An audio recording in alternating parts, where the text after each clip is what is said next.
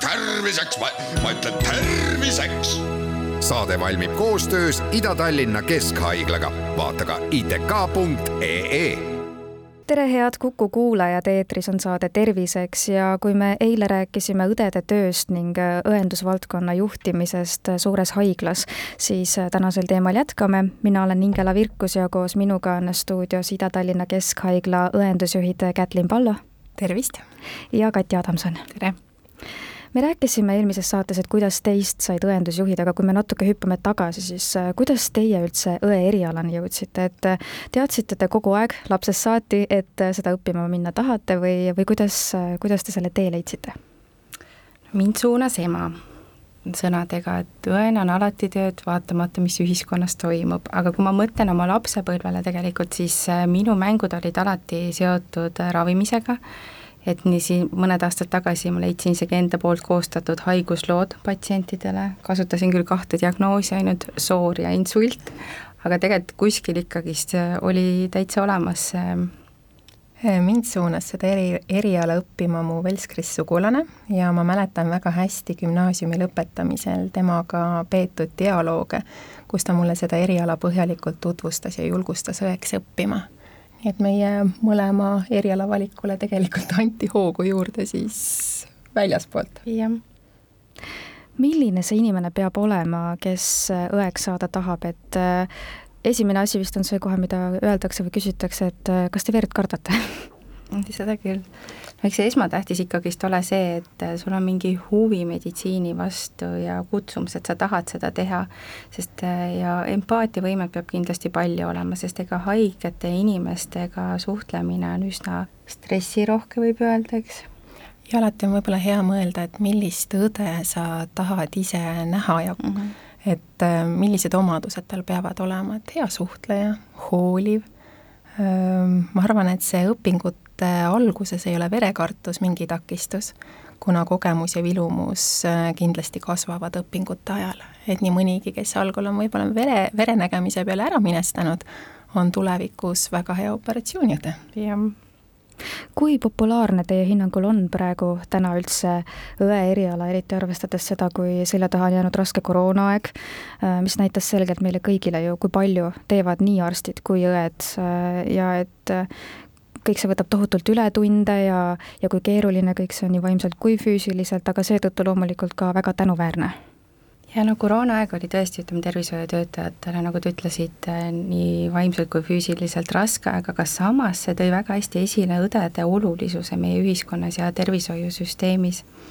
et kui me mõtleme, et kui viimastel aastatel on äh, õdede õppekohtade arv mõlemas kõrgkoolis veidi kasvanud, aga see ei ole vähendanud nagu konkurssi ühe õppekohale. Mulle tundub, et valdavalt on ikka veel õed pigem naised, aga oskate te öelda, kui populaarne see meeste seas on, et kas Ida-Tallinna Keskhaiglas on meesõdesid, öeldakse üldse niimoodi, eks?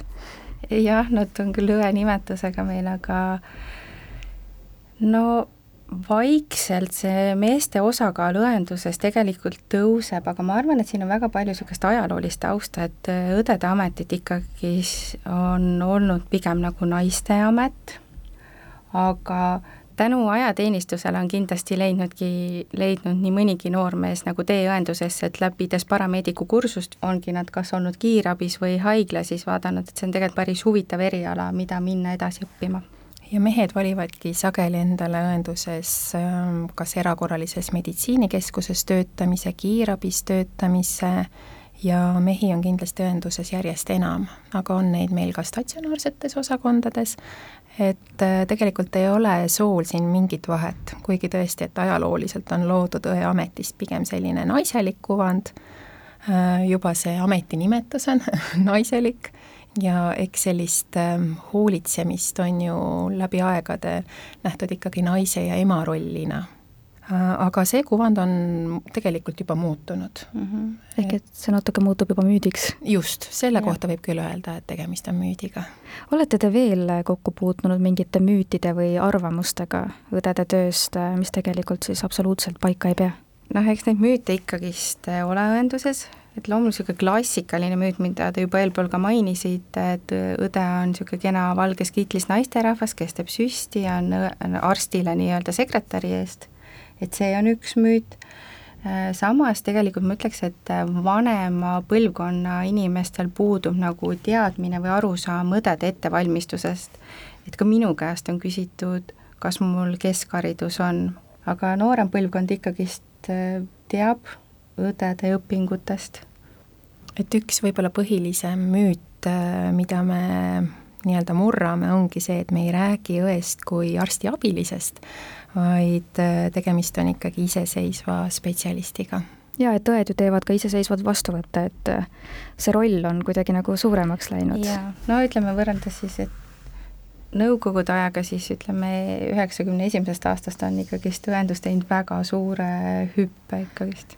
pereõendus on näiteks väga hea näide, kus patsient saab sageli esmalt just õe vastuvõtule ja kindlasti olete ise märganud, millise professionaalsusega õed patsientidega toimetavad. või näiteks kiirabi, kus kiirabibrigaadi meeskonnas on õed. Ja kui mõtleme haigla peale, siis on paljud kindlasti puutunud kokku erinevate õdede vastuvõttudega, on see siis operatsioonieelne nõustamine, diabeediõe vastuvõtt, silmaprobleemide korral õe vastuvõtt.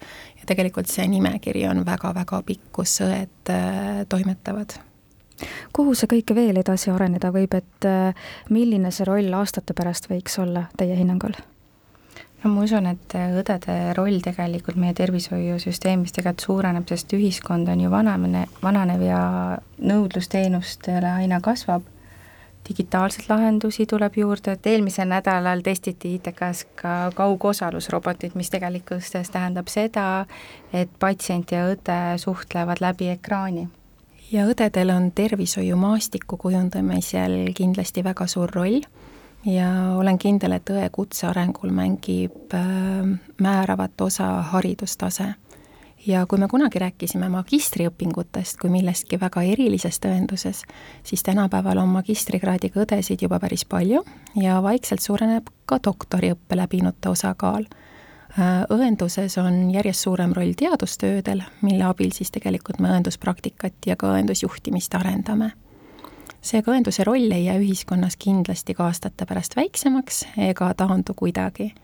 ja saab kindlalt öelda, et õendus on kutse, mis on alati olnud, siin on toimunud ajaga väga suured muudatused ja ning olen kindel, et paljud muudatused ootavad meid veel ees. ja kui meid omal ajal julgustati ette võtma eksõppimist, siis nüüd omakorda julgustame meie teisi ja õeamet on väga paljusid väljakutseid pakkuv, põnev ja enamasti, kes selle tee ette on võtnud, jäävad ka oma kutsele truuks. kus täna siis õeks õppida saab? õeks saab õppida kahes tervishoiukõrgkoolis, mis asuvad Tallinnas ja Tartus aitäh teile saatesse tulemast, Ida-Tallinna Keskhaigla õendusjuhid Kätlin Pallo ja Kati Adamson ning palju jõudu ja jaksu teile! aitäh teile! suur aitäh!